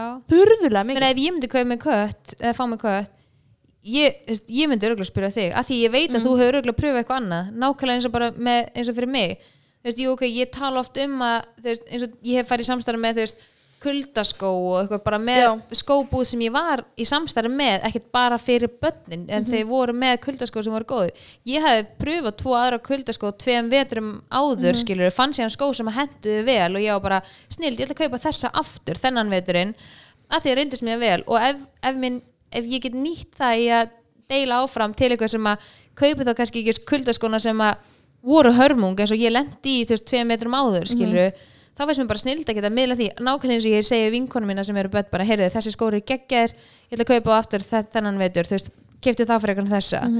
Af hverju ég ekki deilaði með öllum hinum fóreldrunum að núti sem að hafa kannski líka engan áhuga að kynna sér það spara þeim tíma í að, þú veist, að fara að skoða hvað er í bóði og vita bara að þess, þessi Já, ég meni, ég er búin að prófa þrjá kattum að hinga til og það gengur svo illa svo þessi Já. bara slagið gegn. Já, ég er að segja það. En þú veist, að ég var eitthvað að segja þetta með og pappa þegar hún er hættu hættu, ég bara sko, málið er bara að ég þú veist, myndi gefa þeim allt já, og gefa þeim bara besta. Mm -hmm. og þú veist, nákvæmlega. þú veist, þetta er bara bönni minn skilur þessu krækna í leikskólinn sinni, þú er bara katta mamma. Já, að ég veit ekki, þetta er, þetta er flókið, þetta eru flóknar aðstöður þetta eru nýjar aðstöður já. og við erum að búa til eh, inn í endur að búa til nýja grein sem hefur ekki verið gerð og þetta Já. er það vand með farið Mhm. og ég meina ég vona bara innilega að fólki sem kemur í þetta og eftir okkur þurfi ekki að lenda í þessu af því ég vona bara, þú veist, þeirra vegna við sem búin að taka mesta hitan af þessu við Já. sjáum það, alveg, við sjáum alveg munin og, og við vitum það líka bara sjálfar að fólk er farið að taka minna minna hérna marka á þessum greinum og ég meina ég Algjörlega. sá ekki maður frétt um þig sem var frekar neikvæð og hérna ég skoðaði þessast undir, já, en á Facebook sérst, Já, ekki undir fréttina Já. og þá voru bara svo margir sem voru eitthvað svona hún er búin að byggja ykkur um að deila sér ekki það er skrifað efst á myndina þú ert að efni sér ekki og þú veist, og fólk svona taka þína sæt á Já. og mér varst alveg þetta fallegt og það er einmitt ástæðan fyrir ást, af hverju maður er að tönglast á þessu á, að maður Mhm. er sé að að segja sína skoðun og maður er ekki bara að setja þegja og bara láta valta Mhm. yfir sig þú veist, maður er að veist, bara og svo líka vandum heyra. færa maður vill ekki heldur gefa greini klikkana maður svona Nei. líka erfitt að ræða sko algjörlega Mér finnst það myndi best að vera eitthvað svona fullurinn konu sem komið undir Akkur látið stelpu greið ekki friði. Þú veist, um þig skilur Þú veist, mér er bara svona Þetta er einmitt bara þannig Akkur látið mann ekki Nákvæmlega. Og mér finnst einmitt jákvæmt þú veist, maður sér að fólki fara að taka upp hanskan fyrir Mhm. mann sko, sem er ótrúlega jákvæmt og maður er bara óendalega þakkláttur fyrir það. En svo sko mér fyndi að þegar að hafa komið inn frétt það er ekki svo langt síðan að þá koma þrjú komment í röð mér í hag. Já, kommentarkerfinu á lokað. Nei. Og tekið út. Leit svo Það ekki út fyrir meðlinn krassandi, já. Nei, leit illa út fyrir meðlinn það var tekið Oh niður. Ég ég fekk einmitt screenshot af kommentunum. Svo var eitthvað sem sendi mér bara aftur bara bara, ha, bara á klukkutíma Oh bara God. kommentarkerfinu tekið niður því það var ekki eitt slæmt komment. Og ég var bara yes! Já. bara, þannig leiði mér eins og ég hafði unni Þarna var battle won. En ég ætla að fara í spurningarnar. Ég fekk sko svo mikið af spurningum um það um eitthvað sem þú ert að þrýfa og ég bara, ég get ekki tekið þátt í sko. Nei, Það er er ekki bara- podcast um þrýf þetta eru bara spurningarna sem ég fæ daglega sko. ég fæ svona hundra svona þrjáfa spurningar á Mér dag. best um daginn og sendi mér eitthvað ertulega elda meiri stóri, bara það geggjað að að ég gera það aldrei og ég myndi ekki mikið byggja mig um það skilur Nei. þannig að það var áhugavert. Ég næst, ég er að fara að take over your content. Ó, ég er að fara að Ég að bara, nei sko kræst hvað, mér finnst leiðilegt að þrýfa sko, mér mér finnst, en er líka mér finnst ógislega leiðilegt að finnast það leiðilegt Þú voru bara að gera eitthvað jákvæmt úr því. Nei, það er ekki, nei, Ég- ég, og ég er búin að finna núna. Núna get ég hlusta á podcast. Já, að ég ég var að gera það þrýfa til dæmis. samegnina og ég var að bölva því að það þurfa að eiga þess að helviti samin ég bara, En hugsaði bara eitthvað Bá, það gekkja, ég kannski borga minna í húsi og mánuði og ég þrifið þetta einu sinni í þetta var mánuði. alveg þannig case ég var tilbúin að borga mér í húsjóð En þú verður að vera jákvæð já, ég, ég Hugsa reyna bara, ok, en svona þessi ég, 5.000 kall sem ég myndi annars borga ykkur þjónustu Ég get bara gert þetta, sapna mér, keft með þetta Keft hús fyrir kísurnar eða eitthvað. já, þeir eru búin að fá mörg hús en ég reyndar að hugsa núna fyrsta sinn sem ég fann núna þegar þreif og ég var svona, Já. og svona ég er búin að vera mjög duglega að halda eldúsinu hreinu. En líður þér ekki vel jú, þegar það er hreint. mjög vel. Það er ástæðan fyrir að ég segja þessu. Mér veist mökk leðilegt að veit sko. En ég er bara, ok, og ég set mér Ég hef oft talað um ég set mér svona tímamarkmið. Já, Veit eins og í morgun, þá byrja ég eitthvað Hvað krakkarnir var farin í leikskólan Kortir yfir átta held ég Og ég bara, ok, þetta eru 45 minnundur Og ég ætla bara að keira Í þessu 45 minnundur Og setti bara þvílíkt háa tónlist Reyndar ekki podcast Abba tónlist, Abba er my life. Og bara var bara eins og veist, ég væri til í að skoða stundum myndavælekerfi sem ég með inni hjá mér, ég með svona myndavælekerfi væri stundum til í að fletta upp og skoða sjálf á mig, af því að ég er eins og geðsjúklingur hlaup út um allt og, ég bara, og því ég er svo mikið að keppa við fokkin tíma sem ég er búin að setja mér. Ok, þetta er enda eitthvað sem ég get á launum með. Já, veist, og ég er stundum bara eins og ég er ganga frá þetta matinn, nú er ég með tvö lítið börn og þú veist, það er alltaf bara matur út um allt og maður er búin að elda og stundum næ ég ekki ganga frá jafn óðum meðan ég er að elda því að maður er að sinna þeim líka og eitthvað og þú veist, meðan Fransi setur krakkan í bað þá geng ég yfirleitt frá, oftast. Og þú veist, þá er ég bara eitthvað, ok, sjö mínútur. Og þá er ég bara á spani en eftir þessu sjö mínútur þá hætti ég líka. Já, maður verður að kunna, ég, nefnilega, ég held að vandamáli mitt sé að ég get ekki hætt. Eða, þú veist, Já. þegar ég byrja þá er ég bara í fjóra daga og þá er ég bara aldrei aftur. Já, veist, ég hætti hann eftir þessu sjö mínútur fer síðan bara og þú veist, er með krökkun smástund með þeir í baði og spjalla og eitthvað. Yfirleitt eru það á FaceTime með ömmu svona afa og okkur með þeir í baði og eitthvað sem búið fyrir norðan og eitthvað bara svona skemmtilega okkur stund og svo þau bara eru búin að koma krökkun niður og eitthvað þá bara klárum við saman að gera restina. Mhm. þú veist, það er bara hlæg þá er bara kannski eftir að ræða nokkru diskum í vélina og þurka borðinu og eitthvað en þú veist, en á meðan, þú veist, þegar svo sjömyndur er búnar þá er ég bara, oh my god, ég næri ekki meira. Mhm. svo ég er bara frá sem að klára þetta, þú veist. Sem er líka bara lægi en þú veist að setja sér svona tímamarkmið og ég er bara þú veist, ok, ég ætla ekki að gera meira að er að ég er yfir því kappið tíman og það er ekkert meira pyrrandi þegar maður næri ekki tímanum Mhm. en oft er ég bara löngu búin og ég er bara pff, ég geti gert það fimm myndum Næst gerði það fimm minútur þá lætur manni líða miklu betur einhvern veginn, Ég er, svo ég skrif ekki, ég gleym ekki nafnin á þættinum En það er alveg bara svona bókstallega ein spurning Hvað ætlaði eftir að láta þáttin heita? Hvað sagði hann? Af hverju er þetta ekki sama? já, Þarna, mér finnst alltaf erfitt að finna nafn á þáttin sko. já, Kamila sér um það hjá okkur Já, hún spyr mig alltaf og svo gefur mér ekki svona færa að svara því hún er komið svona tíu nöfni bara, já, bara fyrst á fínt. Bara flott. Já, Sko það er bara ein spurning sko Ég veit ekki að það er svo sem er halda þessi þitt Instagram eða eitthvað Því að fólk veit vita barna outfit. Þetta bara er ekki þannig þáttur. Barna. Outfit. Ég spöð hvort sé eitthvað þínu fylgjendalegi sem kom yfir spurði sem þú ert ekki um að svara skilur. en ég hérna hérna er einmitt einn sem vil fá fleiri podcast þetta strax. Ekki strax, hún vil á strax. Strax, já, hún vil á strax takk. Ok, hann segði takk. Ok Á, það er nú annað já, reynda tvær spurningar, þetta byrjaði þessi eitthvað. Ok. sko, sjálfstraust og leikillina því. Bara henni varst, henni varst gaman að heyra leikilatriði annars þegar kemur að sjálfstrausti? Mm, að ég var alltaf að taka mitt eitt solo þátt mér gengur ekki vel í því að því ég kemur aldrei í það. En ég ætlaði að taka eitt solo þátt þá var ég mjög mikið beðin um að taka sjálfströst og svona, já. svona já, mér finnst sko veist, ég, nú hef ég ekkert eitthvað verið alltaf með bara brjálæslega mikið sjálfströðust Mhm. en leið og ég bara svona var ánað með sjálfa mig og þú veist bara var að gera það sem að mig langaði að gera þá hérna, og líka bara því eftir ég þú veist, byrjaði með Frans og ég bara með manni sem að er uppbyggjandi fyrir mig og eitthvað það bara svona styrkir eðlilega sjálfströstið Mhm. og leið og ég leifði mér svolítið bara að klæða mig eins og ég vildi og þú veist, að þóra að gera það sem ég vil á mínum miðlum okkur, það eigur sjálfströsti og vera eitthvað svona og alltaf bara eitthvað svona, ó ég var ekki búin með skóla og ég var ekki búin að menta mig nóg mikið og ég var ekki búin þetta og við erum bara ennþá á leigumarkaðanum og, þú veist, þetta, og maður svo fljótur að rífa sér niður. Allir svona hluti sem er kannski ómeðvitað að rífa maður niður. En bara leiðum maður er bara ótrúlega ánæði með og þakkláttur fyrir það sem maður hefur einhvern veginn og hugsa bara, þetta er ógstlega að á veist, já, með hvað maður ánæði með í kringu sig og ég líka bara svona þurfti alveg að setja með markmið að horfa í speil bara hverjum eins degi og bara eitthvað að segja bara eitthvað fallegt við sjálf mig, þú veist bara hvað finnst mér gott í mínu fari, ekkert endilega útlitslega en bara svona, hvað myndi ég vilja veist, hvað finnst mér um sjálf mig sem er jákvætt eða uppbyggjandi? Þetta er key. Já, en þetta, þetta virkar svo ógeðslega mikið. Svo bara ekki sett ég markmið bara að segja tvö orð og svo veist, sett ég mig líka það markmið að þú veist ég ætla að segja, elska Frans ofta á dag en þú veist, að segja eitthvað, hrósa honum fyrir eitthvað því að sérstaklega eins og þegar maður er komið börn stundum mætist þið bara á forstofunni, þú veist, heima. Bara ég að fara og hann að koma eða öfugt þú veist, bara svona, maður er alltaf einhvern veginn á hlaupum og spani að gera eitthvað og reyna að sigra heiminn sem við erum líka búin, búin að taka við svolítið á núna að, þú veist, aðeins að slaka og bara njóta þú veist, stundarna núna og það markmið að hrósa öðrum og veist, hrósa maka og hrósa vinkonum og veist, ég passa mig alveg að hrósa öðrum og það er ógstu mikið, ger ógstu mikið fyrir sjálfströstu mitt líka.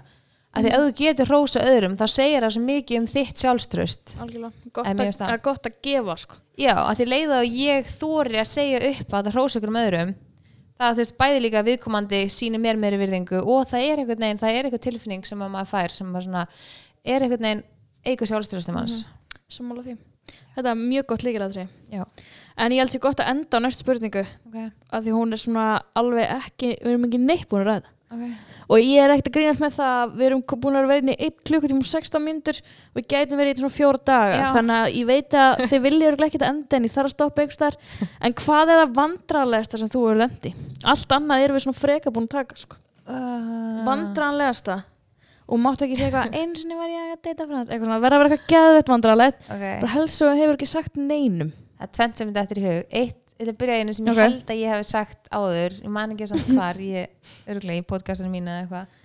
Uh, Að ég var einu sinni í sundi og var bara ein eðst, í konuklefanum. Okay. og ég var bara naked og ég, ég rann nakin í sundi. Nei að ég varst þessum bara ein. Ég var bara ein. Ok. og þetta var bara í sturtunni fyrir framann alla í lögataslöginni, ógeðslega margir. Og þess að allir koma að hjálpa mér skil, og maður er svona nakin liggur á flísunum allt í hári og og ég sko mjög, var sérstaklega mjög sperrætt bara ógvöð, þetta var hræ þetta var Oh hræðilegt God, ég svona, mér fekk svona ái eða veist á, líka, Lí- líka nakin eða, veist, þetta er minna vandamál þegar maður er í fötum en bara, veist, bara vond sko. Nei, ég átti eftir, ég var með þess að fara á date sko, ég átti, ég átti eftir að labba síðan út í sundlu skilur og vera í sundi nei. með viðkvæm, jú, þetta var hræðilegt. Please segja mér þetta hafið frans. Nei. Æ, Ok, ok, Og þetta var góð contender Já, en svo er endur eitt annað sem myndi eftir í huga. Ég var sinni í fer, ég var eins og í fermingaveislu og, og fór að pissa og geti baka og pilsi mitt. Nei, þetta er svo vond, þetta er svo vond. Var fast onni og það bara sást í nærbústu mínar. Þetta var góð þáttur. Já, já, ég held við endum bara þessu nótunum. Þið viti hvað þið finni hana Solrúnu Diego Það er svo sem ekki flóknar en það. Solrún Diego á Instagram. Þar finnið allar hennar helstu upplýsingar Ég mæli mig að fylgjast með henni fyrir alls konar tips og tricks Alls konar uppskriftir og pepp. Ég vil svo meira pepp frá Solrúnu Ég vil svo pepp þátt með Solrúnu og Kami coming up. Já, annars bara býð eftir ég að vera bóðin en það er annar mál Takk fyrir að hlust í dag. Ég læti ykkur vita að þegar næsti viðmælandi kemur með hvaða spurningar þið getur spurt hann og ég mæli með að fylgjast vel með því það er svo gaman að fá að taka þátt í þessu svona. Já, því að ég hefði óslega. aldrei spurt Sólunu um en að vandrarlustu hluti af því að ég veit þá. Ég ætla bara að þakka fyrir mig í dag. Ég ætla að þakka Sólunu innilega fyrir komuna og taka tími í þetta. Já, og styrtaralunum okkar hérna í seglunni eða- míns í seglunni Já. uh, huppu, þannig að við sjáumst bara í næstu viku að öllu líkindum að ég kem ekki næstu viku og vita okkur